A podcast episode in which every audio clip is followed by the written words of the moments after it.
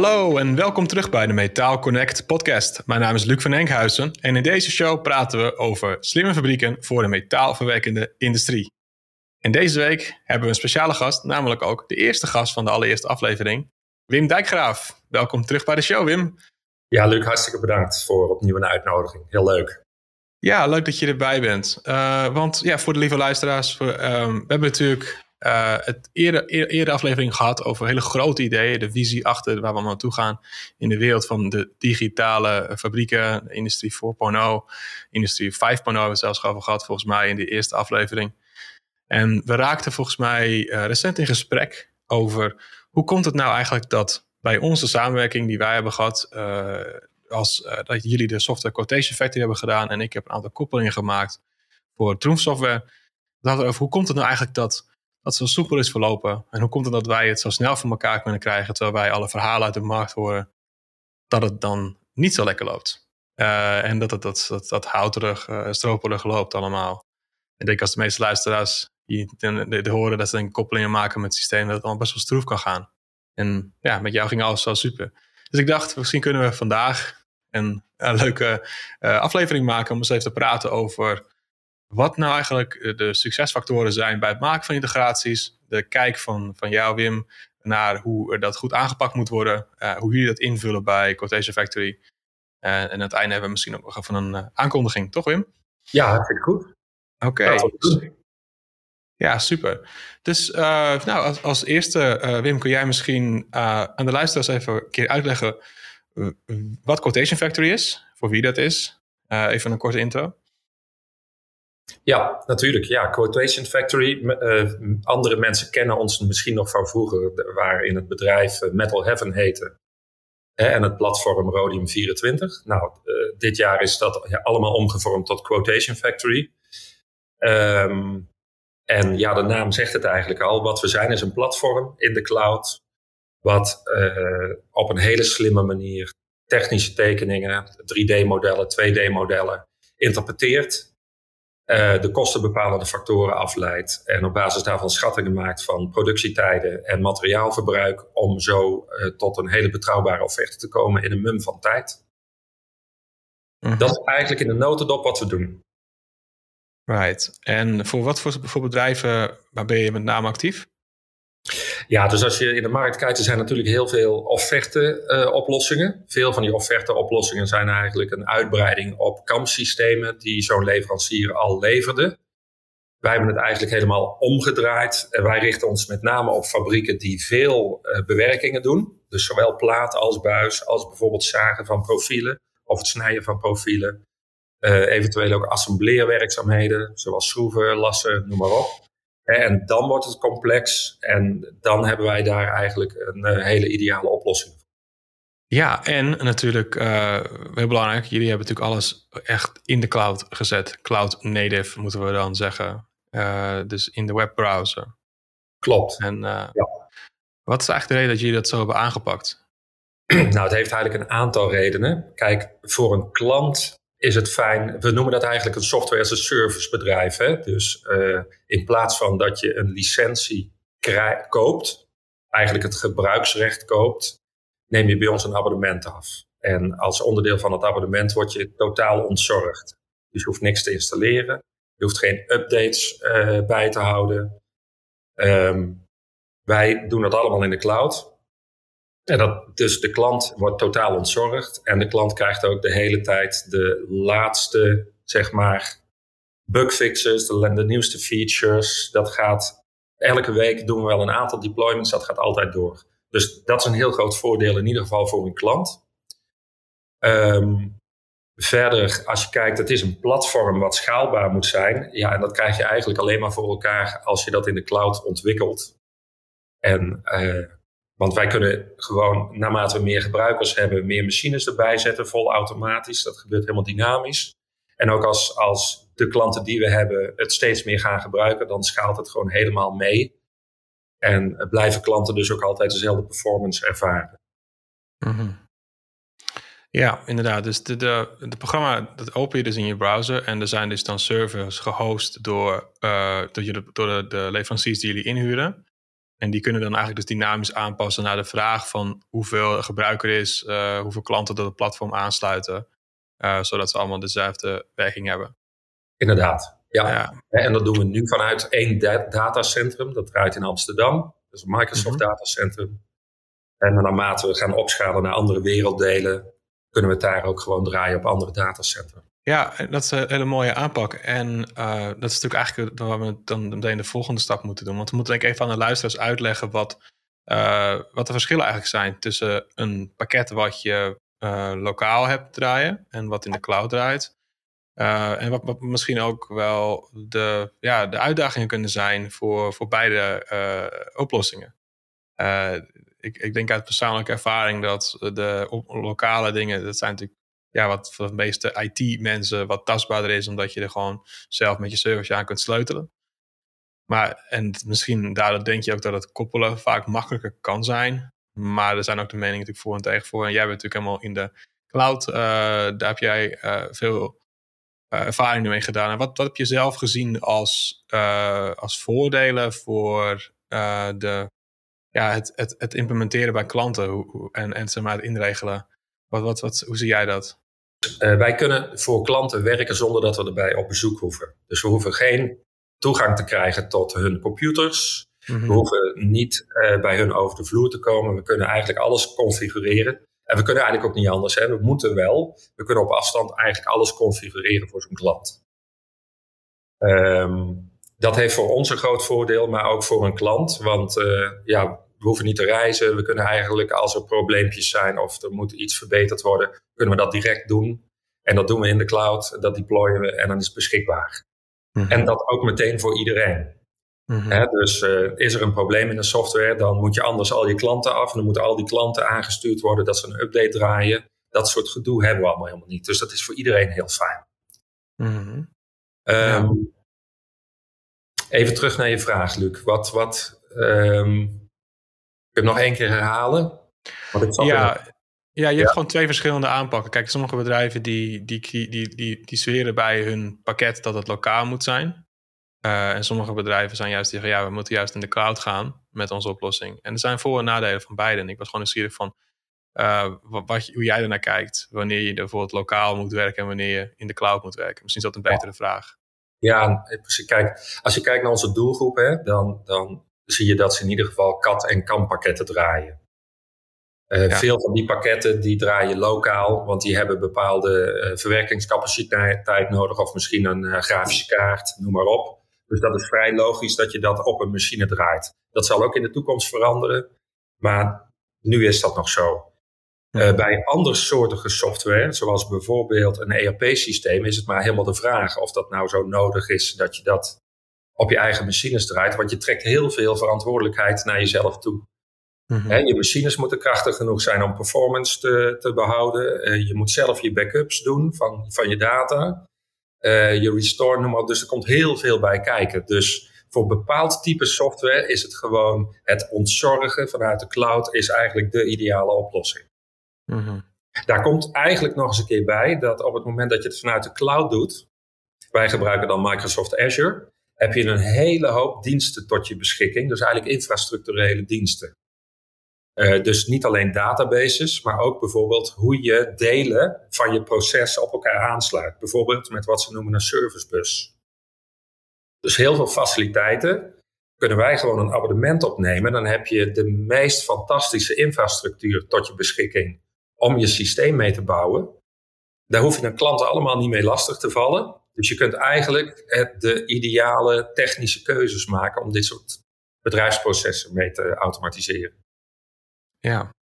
Kun je misschien een paar voorbeelden noemen eh, wat je hebt toegepast van dat hele, de hele waaien aan mogelijkheden voor, voor je klanten en in je product? Tjeu, dat, zijn, oh, dat zijn er heel veel. Um, um, nou ja, bijvoorbeeld, wij hebben een architect, waarbij uh, alles op events is gebaseerd. Dus op gebeurtenissen. Er gebeurt ergens iets. Dat maak je kenbaar aan de wereld, binnen die computer zeg maar. Hè. Bijvoorbeeld, uh, er wordt een nieuwe uh, aanvraag aangevraagd, een nieuwe offerte aangevraagd. dan zijn er allerlei processen die geabonneerd zijn op, die, op dat event, op die gebeurtenis. En die gaan dan hun ding doen. Nou, dat heet dan een, uh, een servicebus waarmee je dat kunt doen. Um, en dat gebruiken we eigenlijk door het hele platform heen, zelfs voor de communicatie met de systemen op de werkvloer van de klant. Aha, ja. Nou, dat is een faciliteit. Ja, dat kun je vanuit de cloud heel mooi toepassen. Uh, wil je dat in je. Ik denk dat elke fabriek dat als basis zou moeten hebben voor haar infrastructuur. Maar dat is voor veel fabrieken nog een ver van mijn bedshow. Um, maar goed, met dit soort cloud-oplossingen is dat heel goed mogelijk. Ja, je kaart denk ik wel iets heel interessant, belangrijks aan. Dat is ook dat je het, onderwerp denk ik, van deze aflevering, om even op, in te op aan te haken voor dit gesprek. Namelijk dat jij uh, dus data hebt van jouw platform, waar je gebruikt voor een calculatie. En natuurlijk, tegenwoordig, bijna de waarde van een product is bijna hoe goed het kan koppelen met de andere systemen in de fabriek. En uh, jij en ik samen hebben daar natuurlijk aan gewerkt. Om dat bij klanten neer te, in te regelen. En wat jullie natuurlijk heel uniek doen, zijn een paar dingen die, die, die ik eigenlijk die opgevallen zijn. Ten eerste hebben jullie dus uh, de communicatie met de lokale systemen via een, noem je een agent.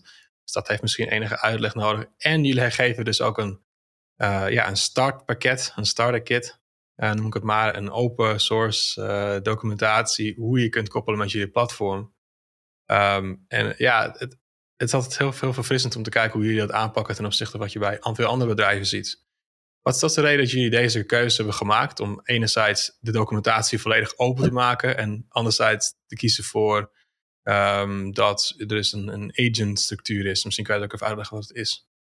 Ja, nou ja, een agent is eigenlijk gewoon een, een klein stukje software wat op een computer draait van een klant, wat de hele communicatie doet met het cloud-platform. Dus eigenlijk met de Quotation Factory in de cloud.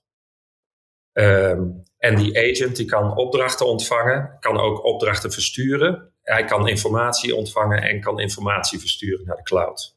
En dat is eigenlijk, zal maar zeggen, de tussenpersoon die ervoor zorgt dat de communicatie met de systemen die in het datacenter of op de computers van onze gebruikers draaien, dat dat helemaal uh, goed geregeld is, stabiel mhm. draait, bedrijfszeker is. Uh, ja, dus dat je echt de hele bedrijfszekere processen kunt maken, zonder dat je uh, daar verder zelf als klant van ons over hoeft na te denken.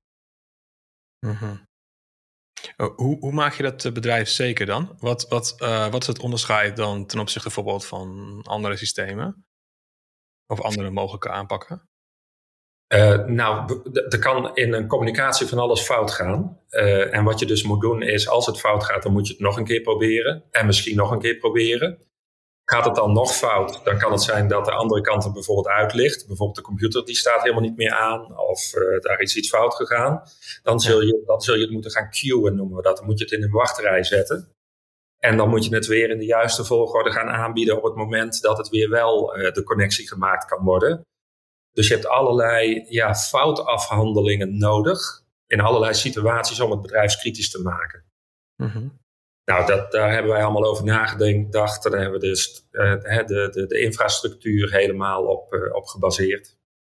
En dat is nodig omdat we bijvoorbeeld met ERP-pakketten communiceren. Op het moment dat er een offerte een order wordt, dan moet je zeker weten dat die order uiteindelijk ook in het ERP-systeem komt en verder in productie genomen wordt. Ja, en dat lossen jullie dus op uh, door dus de, de, de, de agent die dus de, de data gegarandeerd kan aannemen, begrijp ik dan uit je uitleg. Ja. Ja, dus de klant hoeft daar, de gebruiker of onze klanten hoeven daar verder helemaal niet over na te denken. Die hele infrastructuur die is er en die werkt. Mm Hè? En uh, dus vanuit de Quotation Factory kunnen we eigenlijk probleemloos communiceren met ERP-pakketten en met CAM-systemen. En CAM-systemen zijn ook weer belangrijk, want dan kunnen we vol automatisch tekeningen en bijvoorbeeld materiaalsoorten in aantallen kunnen we doorgeven. CAM-systeem kan een maakbaarheidsanalyse doen. Hè, of kan alvast het programma maken en het programma klaarzetten voor als het in productie genomen wordt. Hmm. En daarmee belast je, of ontlast je eigenlijk ook een heel groot deel van je werkvoorbereiding. Ja, ja, absoluut. Ja. Oké, eh, en dan nu punt 2 inderdaad. Want uh, jullie zijn heel anders, denk ik, dan de meeste uh, softwaremakers, vooral in de ERP-wereld. Want jullie hebben dus gewoon alle documentatie voor het maken van koppelingen online staan. wat is de gedachte erachter geweest om dat zo aan te pakken? En, en, hoe, hoe is dat eigenlijk voor jou verlopen tot nu toe? we hebben inderdaad alles online staan. Hè? Dat heet dan GitHub. iedereen die een beetje programmeert, die weet wat dat is daar, daar hebben we eigenlijk verschillende modules, zal ik zeggen, open source gemaakt. Die kan iedereen gebruiken en inzien. Um, het is zo dat wij een platform zijn in de cloud en we willen de klanten de mogelijkheid bieden om het te kunnen integreren met wat ze maar willen. Uh, ons verdienmodel zijn de abonnementen. Ons verdienmodel is niet consultancy. Ons verdienmodel is ook niet het maken van maatwerksoftware rondom ons platform. Dus we zien eigenlijk het liefst dat derde partijen uh, dat die in staat zijn om gewoon helemaal zelfstandig die integraties te maken en ook te onderhouden voor onze klanten. Dus dat, dat is eigenlijk de basis. Ons businessmodel is nou eenmaal zo dat dit ons ook noodzaakt om dit op een hele goede manier te doen. Um, waarbij we natuurlijk wel alle, als er hulp nodig is uh, voor derde partijen om zo'n integratie te maken, staan we er altijd voor klaar en helpen we ze. Uh, maar we willen eigenlijk dat iedereen zichzelf kan helpen en niet van ons afhankelijk is. Dat is ook, als je kijkt, hè, nu, nu, nu is onze markt met name zeg maar even West-Europa. Op het moment dat er steeds meer regio's bijkomen, krijg je zo'n diversiteit aan ERP-pakketten, aan kanssystemen. Dat zouden wij ook zelf nooit goed kunnen onderhouden. Ja, dit is ons product. Dit is de aansluiting. Dit is de stekkerdoos. En dus, uh, ga je gangen om dingen te bouwen. Ja, ik ben wel nieuwsgierig wat de gedachtegang er eigenlijk was omdat je daar bent gekomen. Want ik neem aan dat je dit gesprek hebt gehad met meerdere mensen. Uh, om wat het wel of niet wijs is. Je hebt misschien je eigen intuïtie ingevolgd. Uh, maar ik ben gewoon nieuwsgierig wat je gedachtegang er eigenlijk achter is. Nou ja, voor een deel natuurlijk wat ik net zei. Ons businessmodel maakt dat we dit ook op deze manier moeten doen. Maar van de andere kant uh, denk ik dat het software van de toekomst worden eigenlijk gewoon stekkerdozen. En we, we, we zijn aan het wegbewegen van uh, het denken in machtsposities. Hè, bijvoorbeeld ERP-leveranciers in het verleden hebben de neiging om hun pakket heel erg centraal te zetten. Het als uh, de centrale database te zien, de, de, basis voor al je bedrijfsprocessen. En als je, uit, als je niet uitkijkt, ga je daarmee eigenlijk uitblinken in middelmatigheid, noem ik dat altijd. Uh, dus in het, in het begin gaat het heel goed met je voorraadbeheer, met je planning, noem maar op. En op een gegeven moment krijg je hele specifieke uh, eisen die ook in het ERP-pakket op een gegeven moment niet meer kunnen. En dan moet je toch weer toe naar het specialiseren van die processen met echt voor jou de juiste software. Mm Dat lukt je alleen maar als die software uh, open is en uh, te integreren is in, in, in, in het bedrijfsproces. Mm uh, dus ja, dat is de hele filosofie. Offreren is ook maar een stukje van je hele bedrijfsproces. En dan moet je perfect kunnen integreren met uh, bijvoorbeeld je werkvoorbereiding of bijvoorbeeld met je productieplanning. Ja, ja dankjewel voor deze aanvulling. De stekker, ieder, ieder systeem moet de stekkerdoos zijn. Dat, dat ben ik helemaal met je eens inderdaad. En dat mooi, uh, mooi verwoord inderdaad. En dat was ook eigenlijk precies waar ik, waar ik eigenlijk naar, naar stuurde met het gesprek van. Ik wilde het gesprek even naartoe sturen van. Om dit even te benoemen dat inderdaad dus dat het eigenlijk haast niet te doen is voor goede service, inderdaad, om het allemaal te beheren. Als, zeg maar, als er zoveel variatie zit in de markt. Steeds verschillende systemen, steeds meer verschillende pakketten. En dan hebben we het alleen maar over één land. Zodat je meerdere landen hebt. Uh, dingen komen en gaan, er komen updates. En uh, ja, inderdaad, ik denk dat het heel belangrijk is om dat zo aan te pakken. En ik heb ook zelf echt ervaren dat het gewoon hoe snel het kan gaan eigenlijk als wij samenwerken. Want ik bedoel, ik heb ook jouw GitHub library toen uh, gebruikt voor een integratie met een pakket van Troom. En daar was inderdaad voor mij heel soepel om dat te doen. En ik merk dat klanten heel enthousiast zijn. En ik merk ook echt dat de integraties die we gemaakt hebben heel stabiel waren qua, uh, qua gebruik. De data komt altijd gegarandeerd over. Uh, de, de, verwerking kan ik dan aan mijn kant goed afhandelen. Uh, en het is een kwestie van inderdaad de, de rest van het proces zelf naar eigen wens in te regelen. En dat vond ik heel mooi om te doen. Dus ja. super belangrijk. Um, ik denk dat het ook heel belangrijk is dat we, dat we even doorgaan kijken naar van jullie noemen het eigenlijk, jullie zijn een platform. Uh, en dus niet zomaar een stuk software. Uh, niet zomaar een tool, maar een platform. Um, waarom, heb je, gebruik je specifiek die, die terminologie? Um, en hoe beschouw jij jezelf dan uh, ten opzichte bijvoorbeeld van andere systemen in de markt, bijvoorbeeld ERP, kampakketten? Uh, of, of ja, wat, wat is de reden dat je zelf, aan het begin met waarom noem je jezelf eigenlijk een platform? Dan komen we denk ik later wel uit. Nou, dat is een goede vraag, Luc, want uh, veel van onze huidige klanten ervaren ons ook niet als een platform nog. Waarom ik het woord platform noem, is eigenlijk de visie achter wat we aan het bouwen zijn. Dus heel even terug naar wat we nu leveren. We, we hebben nu een offerteoplossing. En de kracht van die offerteoplossing is dat, we, uh, dat je eigenlijk een, een systeem hebt waarin je misschien wel 10 tot 20 CAM-systemen geïntegreerd hebt. De reden waarom ik het even CAM-systemen noem, is omdat CAM-systemen die zijn gespecialiseerd in bijvoorbeeld buis of plaat, of uh, het buigen van plaat of het buigen van uh, buizen.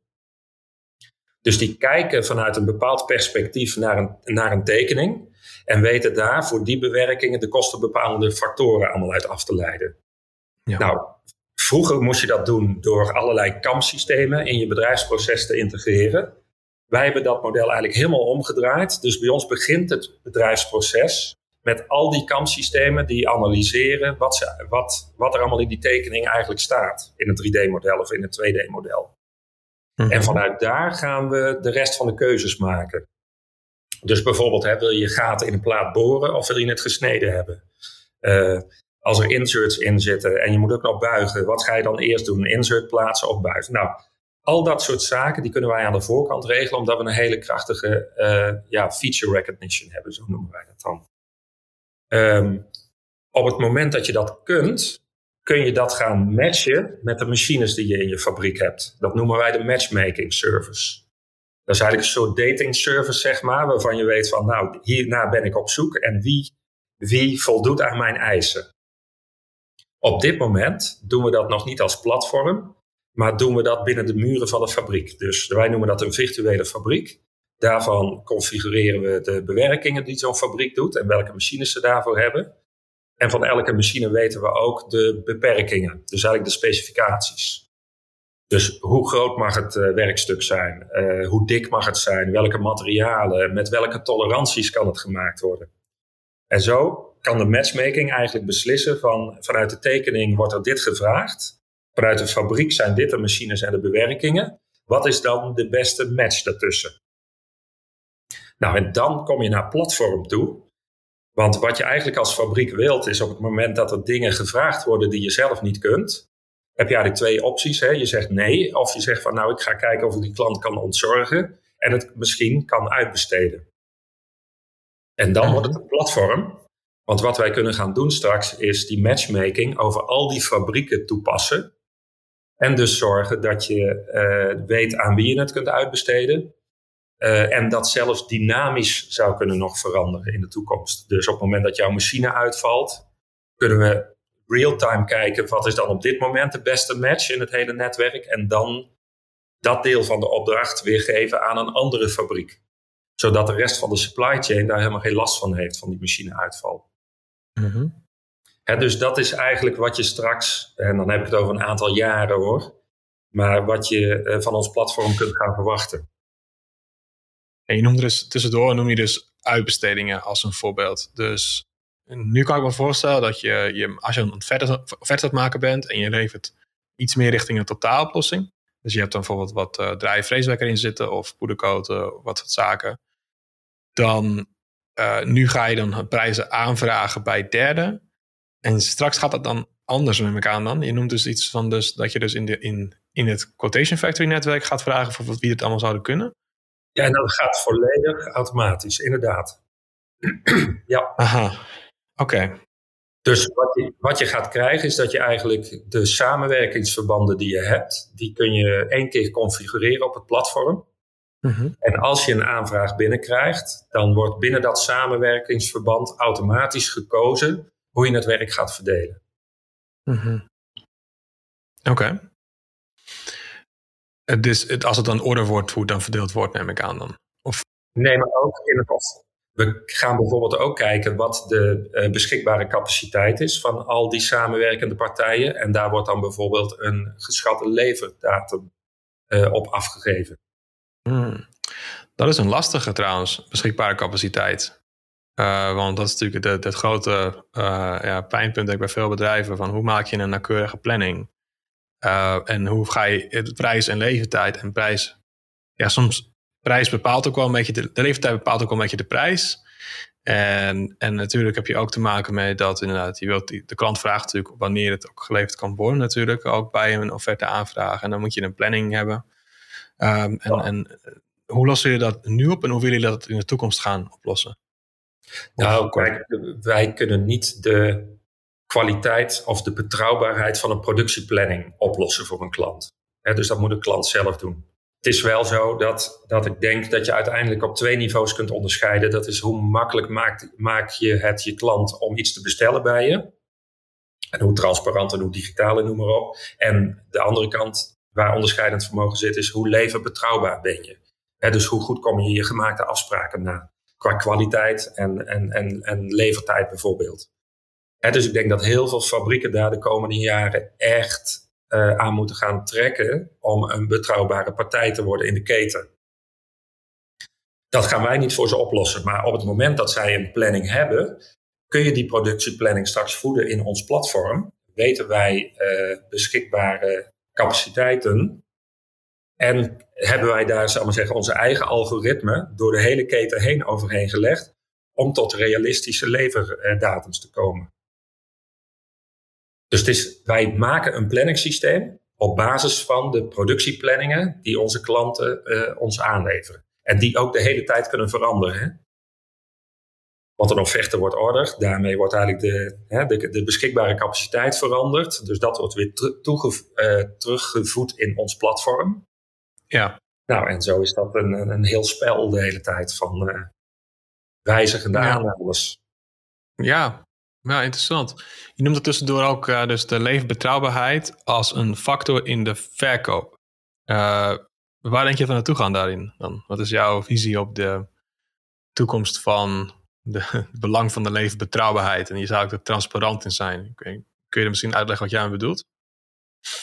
Ja, zeker. Ik, ik denk, hè, en als, ook als je op Europees niveau bijvoorbeeld de Gaia X uh, literatuur een beetje leest, dan, dan zie je dat er eigenlijk een digitaal platform gaat ontstaan waarin uh, allerlei partijen hun eigen diensten leveren. Bijvoorbeeld, hè, ik zei straks wat over feature recognition. Nou, je zou je kunnen voorstellen dat in dat platform, dat Europese platform, als partijen wat samen doen en ze moeten weten van, ja, ja, levert mij een uh, katbestand, welke features zijn dat? Dan zouden wij bijvoorbeeld onze feature recognition op dat platform als dienst kunnen aanbieden. dan zie je ook een beetje die stekkerdozen weer ontstaan. Je krijgt een basis-Europees platform waar allerlei diensten aangestekkerd zitten. Nou, zo verwacht ik dat er ook een dienst zal zijn die bijvoorbeeld op blockchain-technologie gebaseerd uh, klantervaring gaat vastleggen. En dan zou je bijvoorbeeld kunnen zeggen van, ja, want iedereen die kan natuurlijk publiceren op zijn website dat de kwaliteit die ze leveren altijd fantastisch is, dat ze altijd hun, levertijden nakomen, noem maar op. Op het moment dat je dat transparant gaat vastleggen in een, uh, bijvoorbeeld een blockchain die niet aanpasbaar is, die gewoon feiten van wat er in de keten gebeurt vastlegt, dan heb je in één keer een manier om je, je bijvoorbeeld je leven betrouwbaarheid uh, aantoonbaar te maken. En dan zal dat soort data ook gebruikt gaan worden als keuze van wil ik als automatisch beslissing van wil ik als algoritme nou met jou zaken gaan doen of niet. Oké, dit is, dit is uh, grote, grote, grote, grote inspiratie. Om te denken voor veel, veel mensen ook echt aan denken van wow, het is wel echt heel extreem denk ik hoor. Zeg. Wow, mensen die weten het van mij. Want, uh, dat er ergens openbaar staat wat exact mijn leven betrouwbaar is. In een blockchain, onveranderbaar. Uh, en daardoor weet een algoritme of we met mij zaken gaan doen. Ik, dat is wel echt een, denk ik, een enorme uh, stap als je kijkt van hoe de meeste bedrijven nu nog werken uh, en wat ze nu toepassen in de dagelijkse business. Uh, maar jij hebt wel beschreven oké, dat, zijn, dat zijn meerdere jaren. de eerste stappen zullen zijn inderdaad dat bij het maken van offertes we dus gaan kijken naar de, de, de, eigenlijk de huidige bezetting in de fabriek. Daar dan dynamisch een leverbetrouwbaarheid op af te geven. Sorry, een leverdatum op af te geven. Ik verspreek me hier even. Lever, leverdatum wordt afgegeven op basis van de bezetting. Dat is natuurlijk al een enorme uh, belangrijke factor. Je noemt ook een algoritme ook al om te kijken van hoe dat dan zich aanpast.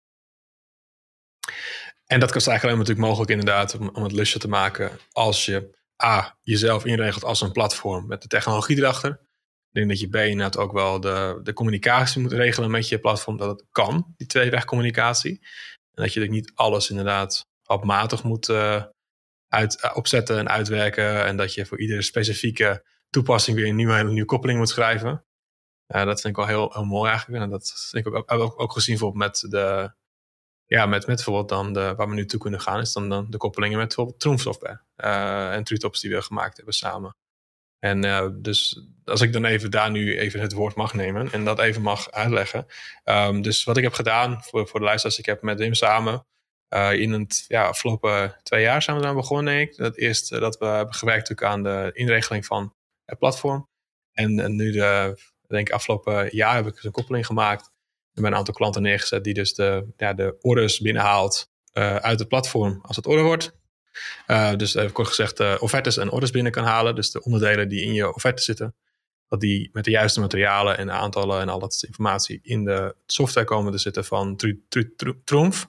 Tegenwoordig heet dat Oceon, dus Trutops FAB. Um, en Boost, dat is dus de, de CAM software. En daarbij hebben we ook een maakbijstanalyse gemaakt die dus dynamisch um, kijkt naar welk deel in Quotation Factory gezet moet worden. En als dat zo is, dan uh, gaat het programma in Boost automatisch daar een um, buigoplossing voor genereren. Dus die simuleert de productie en laat dan aan het platform weten of het maakbaar is of niet.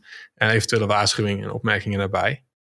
Uh, en dat, uh, ja, dat draait nu goed en dat werkt. En uh, is gewoon mooi om te zien dat het eigenlijk gewoon, gewoon, zo, gewoon zo goed ging eigenlijk. eigenlijk. Want het was wel heel, mij heel verrassend om te zien dat het ja, dat, dat, dat ik met heel weinig moeite aan de kant van platform ermee kon koppelen inderdaad. Dat vond ik wel heel, heel erg uh, inspirerend. Ik weet niet wat ik hier verder over moet, moet vertellen, Wim. Uh, heb jij er misschien nog, nog vragen, opmerkingen over? Nou, heel want wat je volgens mij ook hebt gerealiseerd, dat de uh, status van zo'n order door het hele proces heen, dus bijvoorbeeld is het in productie genomen of zijn we het aan het verpakken, is het nu op transport? Volgens mij geef je die status ook terug, hè? Ja, inderdaad. Sinds, dat is weer zo'n voorbeeld inderdaad van platformrol natuurlijk. Want uh, wat, wat, inderdaad, wat, jij, wat dus kan door die tweeweg communicatie via zo'n tussenpersoon of zo'n tussenoplossing, de agent, is inderdaad dat niet alleen de communicatie naar de software van dit geval Troomf uh, kan, maar ook eruit weer teruggegaan kan worden. Inderdaad, sinds de laatste recente ontwikkelingen inderdaad hebben we nu tussen elkaar dat, dat als er een order inderdaad in zo'n productiesysteem. Het is eigenlijk een manufacturing execution system om de juiste terminologie te gebruiken. Dat is dan Tritops FAB, of tegenwoordig het dan Ocean. Sorry voor alle namen, maar toen was ook bezig met een rebranding en repackaging. Dus je zult wel wat dingen door elkaar lezen erover. Um, maar uh, in grote lijnen ja. Dus als een order inderdaad een staatsverandering krijgt in dat systeem, uh, dan wordt het inderdaad een bericht uitgegeven door zo'n pakket. En dat wordt dan weer geüpload naar, naar het platform. En dat resulteert dan weer in een staatsverandering in het platform. Dus als jij een online webshop hebt, of bij Wim een webshop afneemt, dan zie je inderdaad dus precies welke orders je geplaatst hebt, welke in productie zijn, welke uh, verzonden zijn, uh, of welke geproduceerd zijn, welke verzonden zijn en uiteindelijk welke allemaal afgewerkt zijn. Um, ja, heel gaaf. En dat is iets wat, wat haast eigenlijk ondenkbaar is met uh, hele oude systemen, of in ieder geval waar je niet event-based kan werken, denk ik wel heel belangrijk. Dat is heel, heel ja. belangrijk, ja. Ja, en voor, voor jouw klant was dat weer relevant, omdat die volgens mij een zelfbedieningsportaal ook gebruikt, hè? Van, van Quotation ja. Factory. En eigenlijk aan zijn klant wil laten zien, automatisch, wat de status is zodat hij daar ook weer geen telefoontjes over binnenkrijgt. Ja, het is toch fantastisch, want inderdaad, je, je bent dit gewend natuurlijk met de, als je online bestelt bij bol.com en Amazon, dan is dat de normaalste gang van zaken, dat je tot aan de track and trace weet waar je product precies is. Maar als we vervolgens hier in de metaalindustrie kijken en we gaan bestellen bij onze favoriete leveranciers, ja, dan, dan moet je inderdaad, ja, of je moet mailen. Uh, maar als dan misschien krijg je een orderbevestiging terug en een pakbon. Maar het is allemaal berichten, het is allemaal mailtjes, het zijn allemaal documenten met bijlagen. En inderdaad, waarom niet gewoon één één portaal waar je alles ziet van wat je hebt besteld en aangevraagd. Met de status erbij en dan de, ja, de, de, de wat, of nog iets aan moet gebeuren of niet. Dat vind ik, ja, dat vind ik super inderdaad. Dus dat was een heel mooie, mooie use case eigenlijk ook weer voor zoiets toe te passen. Want ja, er zijn natuurlijk maar een beperkt aantal. Uh, ja, het kan niet zomaar met je pakket goed werken. Dit goed te doen. En tenminste, het is heel veel werk om dit dan matig te gaan maken voor een maatwerkportaal. Uh, dat was voor mij wel een heel sterk punt. Ja. Dat is wel een interessante trouwens hoor. Dus wat ik steeds meer van onze klanten zie doen, is op het moment dat ze bijvoorbeeld een machine willen kiezen, of een nieuwe machine willen aanschaffen, dan zijn ze steeds meer bewust van dat daar kanssoftware bij moet zijn die gewoon voldoende open is. En die je mhm. van buiten in een soort automatische modus kunt zetten. Uh, om dit soort processen te kunnen integreren. Dus uh, ja, bewustzijn Wordt, wordt wel steeds groter. Ja, inderdaad. Ik hoop ook dat ik dat met deze podcast en met mijn schrijven ook naar buiten kan brengen. Het is even dit is een experimentele aflevering. Nu we even meer discussiëren over inhoudelijke zaken. En lieve luisteraars, laat je weten of dit interessant is of niet. Uh, of je het kunt volgen. Uh, maar uh, ja, inderdaad, wat jij zegt klopt. Want het gaat er het worden, het worden allemaal stekkerdozen. En eigenlijk op een gegeven moment is je hele fabriek gewoon een, ja, ik noem het een blokkenstapel van blokken. Bouwblokjes. En een soort piramide eigenlijk ook wel van de ISA 95 model. En ja, je moet die blokken, componenten kunnen vervangen en toe kunnen voegen op basis van dat ze allemaal standaard stekkers hebben. En ik merk inderdaad dat, dat dus jouw pakket bijvoorbeeld heel goed werkt met een pakket die ook zo'n stekker heeft. Uh, en dat geldt voor, een ERP bijvoorbeeld weer. Uh, dat geldt ook voor wat, wat ik zie bijvoorbeeld nu met software control, wat ook steeds meer, dus de werkvloer aansturing. Er zijn ook steeds meer nieuwe cloud apps die ook zo'n aanpak als jou hanteren. En dat, ja, ik geloof echt dat het wel de weg naar de toekomst is. Omdat enerzijds, je kan zelf je integraties gewoon schrijven en aanpassen en beheren. Wat, wat super is. Uh, voor mij is dat gewoon leuk, want dan kan ik veel sneller schakelen. Zij dat het in-house wordt gemaakt door eigen ontwikkelaars, of dat ik dat ontwikkel, of dat ik het aanstuur. Uh, dus je kunt veel sneller schakelen. Je hebt eigenlijk onbeperkte capaciteit. En dat vind ik wel ik, trouwens een heel belangrijk punt. Want eh, vroeger hadden we natuurlijk één bedrijf. En daarin zat een beperkt aantal consultants een beperkt aantal technische consultants. En die konden dan hun applicatie koppelen aan derden. En iedere koppeling werd handmatig geschreven. En als er genoeg afname was, werd dat ding vaak genoeg gekopieerd. Op een gegeven moment werd het misschien een standaardkoppeling. Maar nog steeds hing alles af van deze ene groep consultants die bij zo'n softwareleverancier zaten. En ja, als een pakket dan eens heel succesvol werd, dan was er niet genoeg consultancy. En uh, zo'n softwarepartij weet ik ook niet precies zeker hoeveel meer werk in de toekomst blijft komen. Dus het, die kan natuurlijk niet voorkomen zichzelf committeren aan het maximaal aantal consultants wat de markt maar zou kunnen vragen. Dus dan heb je altijd dat, die vertraging in de innovatie, dat een product misschien goed in elkaar zit, maar dan zijn er niet genoeg consultants om dat product zeg maar, uit te bouwen bij, bij diverse uh, bedrijven die die wens hebben. Uh, en, en wat natuurlijk wat jou nu gebeurt, of bij open source aanpak die hier nu gebeurt. De stekkerdoos aanpak, noem het even. Die, daarin is dat probleem natuurlijk helemaal niet. Want er zijn oneindig aantal ontwikkelaars. Tenminste, in de zin van je kunt feitelijk een ontwikkelaar inhuren zonder kennis te hebben van jouw business inhoudelijk. Als jij weet hoe je processen werken, die kan werken met twee stekkerdozen, de linkjes leggen zoals jij dat wenst te hebben.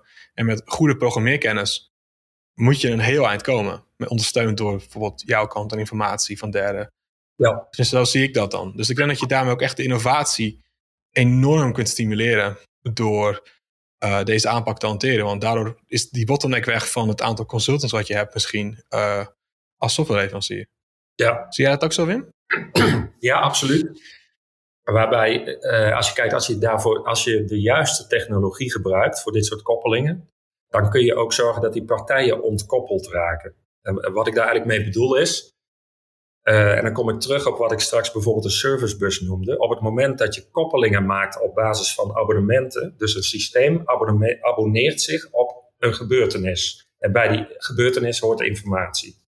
Hè, een gebeurtenis kan bijvoorbeeld zijn: uh, uh, vrachtauto heeft pallet uh, gelost met, met dit materiaal. Hè, dat kan een mm gebeurtenis zijn. Op het moment dat je dat op basis van, uh, dat heet dan technisch gezien publish subscribed.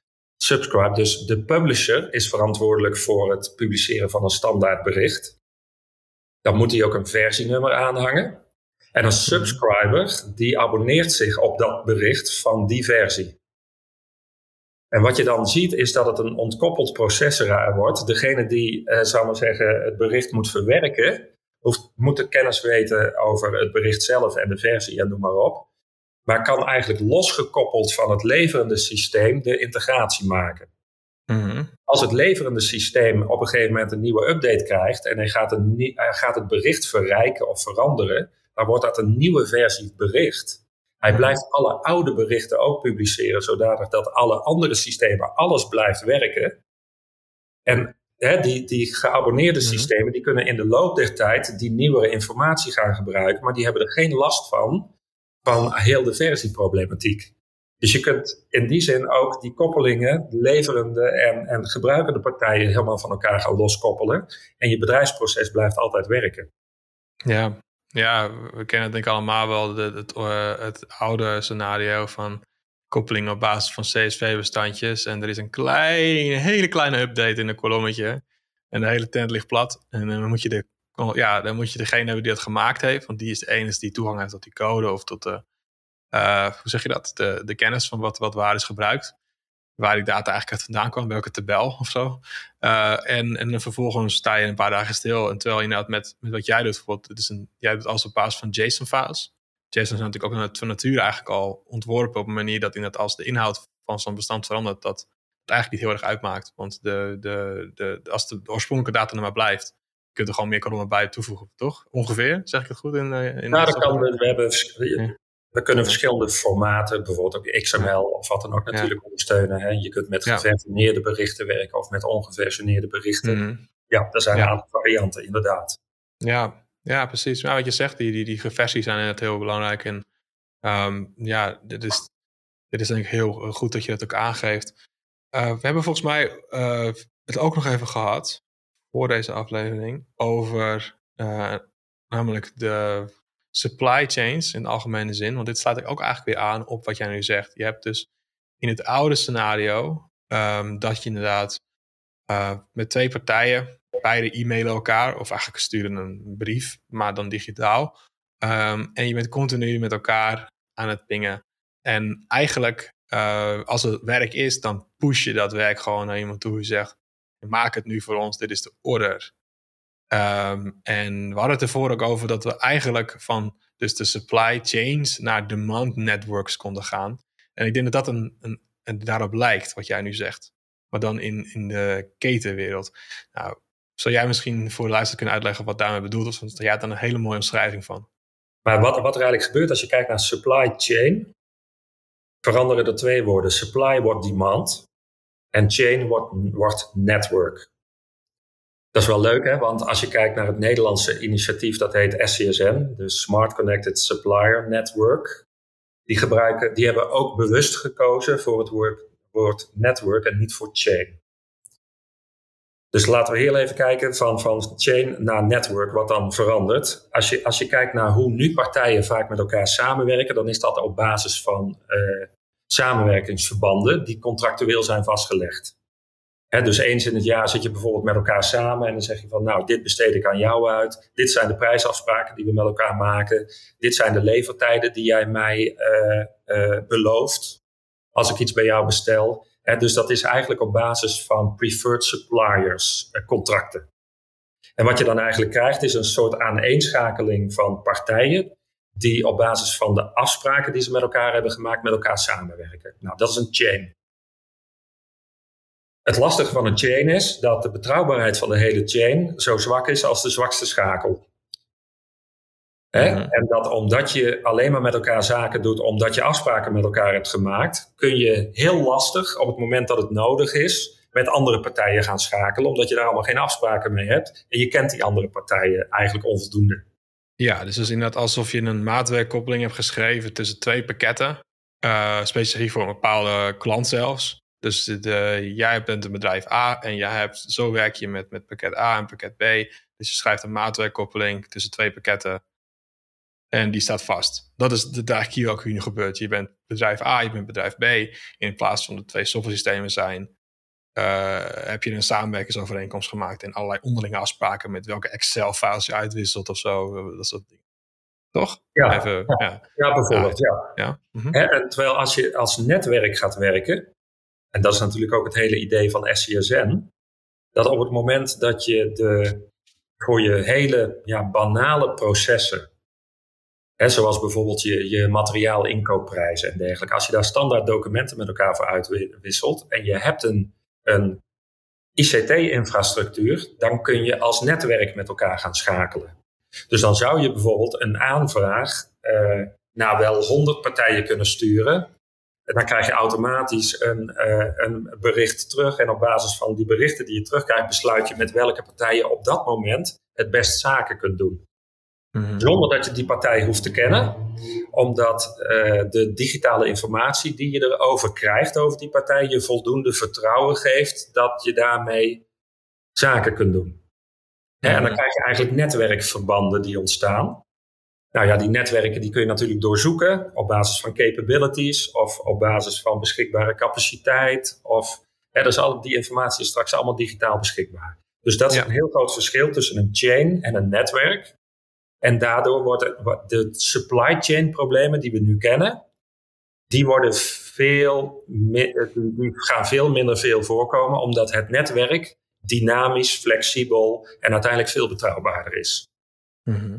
Ja? Nou, en dan het andere woordje, supply, gaat naar demand. Dus wat ik eigenlijk al zei is, fabrieken die gaan zich straks abonneren op events. En zo zullen die zich ook gaan abonneren op behoeften die ontstaan in de markt. Mhm. dus een behoefte kan bijvoorbeeld ontstaan. Kijk, nu is het een supply chain omdat jouw klant jouw bestandje stuurt met de vraag van kun je dit en wat gaat het kosten? Straks gaat die klant het publiceren in het netwerk dat hij een behoefte heeft. En de fabrieken die hebben zich geabonneerd op dat soort berichten en die gaan kijken van past deze behoefte bij wat ik lever? En heeft het voor mij zin om op deze uh, vraag, op deze hmm. demand, een, uh, een offerte te sturen? Ja, precies. En dit gaat ook echt alleen op inderdaad als je sterk geautomatiseerd bent. Want dit kan je natuurlijk niet met de hand doen. Dit is voor, voor de goede leider. Als je denkt van, oh, dat, dat, denk er genoeg luisteren die denken van, oh, ik, alle honderden mensen, oh jeetje, al die offerte Maar dat, dat gaat natuurlijk inderdaad alleen op als je dat volledig geautomatiseerd of zo goed als geautomatiseerd ja. kan uh, verwerken. Kijk, en het hele mooie denk ik, Luc, en daarom word ik daar zo enthousiast van. ik merk het, ja, leuk. EDL heeft nu een, uh, dus heel even, dus, er gaan twee dingen echt heel sterk veranderen. Portalen worden in eerste instantie heel belangrijk. Maar de zelfbedieningsportalen heb ik het dan over. Hè? En die zelfbedieningsportalen worden niet zozeer belangrijk vanwege het portaal. Maar omdat het je als fabriek verplicht om dat hele proces te automatiseren. Mm. En daarom is het eigenlijk een tussenstap om de digitaliseringsstap te maken. Om uiteindelijk in een demand network mee te kunnen draaien. Want het enige wat er straks gaat veranderen is dat niet die klant naar jouw portaal gaat, maar dat die klant vanuit zijn ERP of vanuit zijn B2B-platform zijn behoefte kenbaar maakt aan het netwerk. Dat is het enige wat er gaat veranderen. Mm dus portalen zijn een cruciale stap in mijn visie om dat deel van het proces op het juiste niveau te krijgen qua digitalisering. En niet eens zozeer vanwege het hebben van een portaal. Mm dan, en het mooie daarvan is dat partijen zoals een 24-7 Telesteel of een VDL met uh, Order On heet het geloof ik. Dus die partijen die denken een bepaalde marktpositie te kunnen verwerven omdat ze de voorkant van een proces goed op orde hebben, mhm. die krijgen in één keer de, de, de klep op hun neus, zo noem je dat geloof ik hè. Want die worden ook maar gewoon een partij die zich abonneert op demand wat in een netwerk ontstaat. Ja, oké, ik luister even. Dus dan gaat het niet mhm. meer dat jouw marketingmachine perfect werkt. Hè, of dat je het best werkende, meest gebruiksvriendelijke portaal hebt. Maar je wordt ook gewoon een speler in het netwerk met capaciteit, beschikbare capaciteit en met uh, een aantoonbare leverbetrouwbaarheid. En daarmee wordt in één keer alle partijen weer even interessant om zaken mee te doen. Dus ik denk dat uiteindelijk het speelveld veel eerlijker wordt. En dat digitalisering. Uh, ja, hoe moet ik dat zeggen? Ik wou zeggen dat de marketing rondom digitalisering minder belangrijk wordt. Maar het feit dat je gedigitaliseerd bent, zorgt ervoor dat je gewoon transparant kunt meewerken in het netwerk. Of je nou klein of groot bent.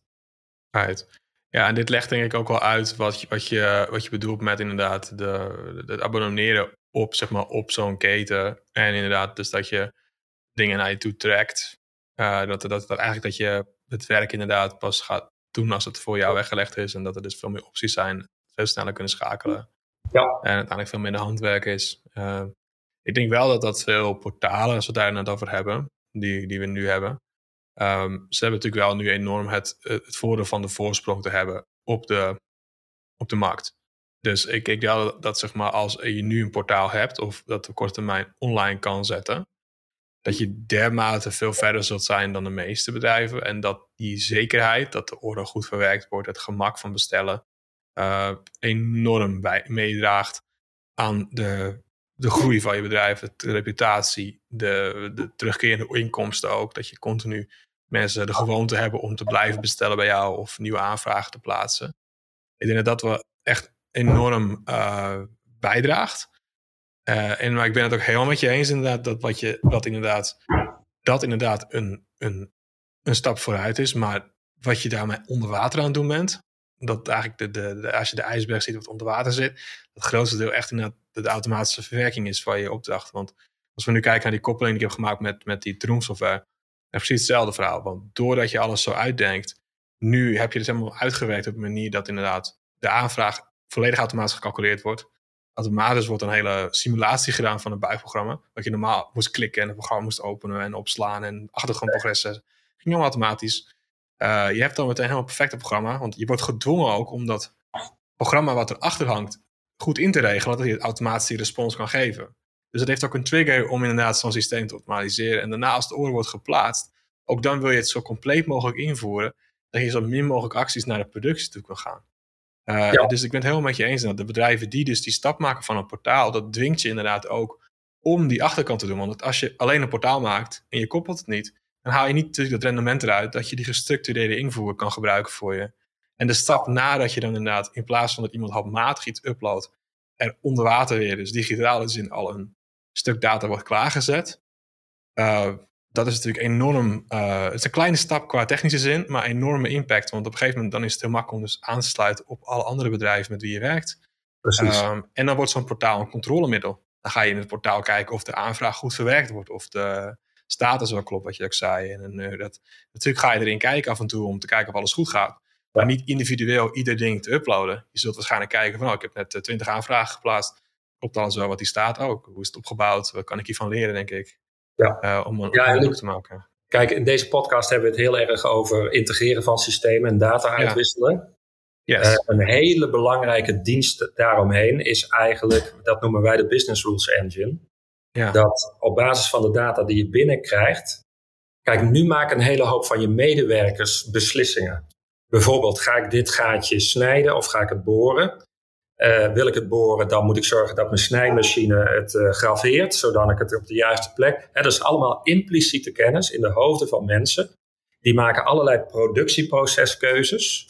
En dat is niet vastgelegde kennis. Met een business rules engine krijg je informatie binnen en ga je eigenlijk die kennis die in je medewerkers zit, ga je automatiseren door in die business rules de juiste beslissingen te nemen. En dat dat moet je ook, zul je ook allemaal moeten gaan doen op het, op het moment dat je met een zelfbedieningsportaal aan de slag gaat. Uh, hè, dus het is niet alleen het stroomlijnen van je bedrijfsproces en digitaliseren van berichtuitwisselingen, maar ook de besluiten die je neemt op basis de informatie die je binnenkrijgt. Mm en dan maak je dus eigenlijk alle impliciete kennis maak je expliciet in een digitaal systeem. En kun je dus gaan fine-tunen. En dat is weer de basis voor de toekomst, waarin, uh, ja, zeg maar even, in je fabriek het licht moet kunnen uitgaan. Ja, ja inderdaad. Dus, dus, inderdaad helemaal waar. Nou, in een korte termijn geeft het je een hele sterke positie. Je gaat sowieso enorme efficiëntie bereiken in je invoer. Kwaliteit gaat omhoog. Allemaal korte termijn voordelen die je meteen al merkt als je inderdaad gestructureerd gaat werken met je klanten. Uh, je zult ook inderdaad wel snel merken dat je een voorkeursleverancier gaat worden, omdat je dienst natuurlijk gewoon veel beter is. Inderdaad, maar wat op de lange termijn inderdaad wat echt naar voren komt, is dus dat wat jij nu schrijft. Dus je hebt dat voorwerk gedaan om echt serieus te kunnen concurreren in, in, gewoon in je hele industrie. En Dat je eigenlijk dus ook daardoor veel sneller kunt doorpakken, opschalen met wat je maar nodig hebt. je kunt ook meer een, ja, een, een, een, een leidende rol nemen in, in, je, in je industrie ook. ik bedoel, ik denk vooral machinebouwers en zo zullen hier heel erg veel baat bij hebben. denk ik op een gegeven moment wel om dit goed te doen. Want, want je hebt natuurlijk enorm veel inkoop en, en bewegende delen en, en planningen die cruciaal zijn. En, en als jij dus leverancier bent aan een machinebouw of machinebouwer bent, denk ik dat dit inderdaad enorm waardevol gaat worden en hier ook wel naartoe gaat. Ik denk dat we ook nu zo dit hele verhaal nu ook een beetje bij elkaar kunnen brengen in de zin van enerzijds um, het belang van een platform in de cloud, eh, de, de, de communicatie via uh, standaarden en zoals agent, die dus die bemiddeling kunnen doen. Uh, we hebben het de voorbeelden benoemd van nu een, een, koppeling die we hebben gemaakt. We hebben het gehad over de, de evenementen, die, events die nodig zijn. Dit bedrijf zegt X hebben we nodig, of dit is nu gebruikt. En alles inderdaad meetbaar wordt. En maar ja, en achter gebeurt is inderdaad. Ja, precies. Dus heel veel, en dat, dat woord observeerbaar, dat vind ik eigenlijk zo belangrijk. Want digitalisering zorgt er eigenlijk voor dat wat er gebeurt, zichtbaar wordt op een digitale manier. En zichtbaarheid is nodig om het te kunnen observeren. En je moet het kunnen observeren om besluiten te nemen. dat is, dat is eigenlijk de stappen die je met digitalisering probeert te, te zetten. Ja. Ja, en gedigitaliseerde voorkant uh, laat je dus reageren op wat er nodig is. Um, en dynamische werken. En je bent dus inderdaad ook in staat inderdaad om inderdaad echt te gaan zien wat er gebeurt. De, de, de, die, waar je natuurlijk de heilige graal waar we naartoe gaan, is dat zo'n systeem zichzelf kan managen. Dat je zelf mensen bij niet meer tussen hoeft te komen, zichzelf kan bijsturen. En dat je alleen nog maar bij uitzondering er moet tussenkomen. En dat zijn de dingen die je hiermee kunt bereiken. En dat, je, dat jij natuurlijk heel duidelijk uitlegt wat echte digitalisatie is en waar het voor dient. Uh, want ja, dat veel bedrijven focussen zich denk ik misschien nog op gewoon een Excel-lijstje vervangen aan, aan standaard software. Uh, goed, maar de visie erachter waar je uiteindelijk helemaal naartoe gaat. Dat is wel heel belangrijk om te weten waar we. En het, ja, het, het verbaast me gewoon om te zien dat hoe snel weer, hoe groot de innovation gap is. Tussen enerzijds de, de, de innovatiegat. Tussen wat er um, op universiteiten en bij onderzoeksinstituten nu wordt gebouwd. En ook redelijk snel wordt gelanceerd. Dus je noemt het al SCSN, TNO, Trouwenhoven. Uh, dat soort instituten die hoe ver die al zijn met die technologie. En hoe groot het gat dan nog is, is tussen de leveranciers en de markt qua, qua software, qua dienstverleningen en zelfs ook de gebruikers. Uh, en ik hoop dat we met dit gesprek hier um, wat kunnen inspireren natuurlijk, om dat gat wat te dichten. En dat mensen ook begrijpen van wat, wat er eigenlijk nieuw komt en hoe, dat we, waar we naartoe gaan. Uh, en hoe jij daar een invulling aan geeft. Ja, ja super. Oh, leuk. Kijk, en een deel van dat dichten, hè? Dus als ik kijk naar wat we met Quotation Factory willen bereiken, is dat in ieder geval de voorkant, dus het salesstuk, qua automatisering je als klant in één keer helemaal hebt opgelost. Zonder dat je daar verder consultancy of ICT development of wat dan ook allemaal voor nodig hebt. Dus dat is gewoon een complete ontzorging op basis van een abonnement. Wat in mhm. principe voor iedereen, uh, hoe zeg je dat? Laagdrempelig genoeg is. Dus als je kijkt naar de return of investment, die is zo hoog dat het eigenlijk een uh, bijna no-brainer is. Mm Super. Nou, uh, nou dan uh, hebben we volgens mij nog één aankondiging aan het afronding van deze uh, show. Want wij gaan ook nog eens een keer een webinar doen hierover. Over de technische kant. De, de, wat is nou een koppeling met Quotation Factory als voorbeeld? Een case study met wat wij hebben gemaakt voor Trutop software. En die is, als ik in mijn agenda kijk, over twee, nou, ongeveer anderhalve week als je hem nu luistert, denk ik. Uh, op 12 oktober. Uh, en ik zal de link in de omschrijving hieronder toevoegen. Uh, waar je kunt aanmelden voor deze live uitleg. en dan kun je vragen beantwoorden. Kunnen we, zullen wij je vragen verder beantwoorden ook over wat we hebben gemaakt en wat, hoe dit voor jou toegepast kan worden. heb jij er verder nog iets aan toe te voegen, Wim? Wat ik hier nu uitleg. Nee, behalve dan dat als je uh, Troemf gebruiker bent, ik echt denk dat dit een super interessante ja, zal maar zeggen, presentatie is over wat er op dit moment mogelijk is. Ja, ja inderdaad. Uh, top of de bill, denk ik ook.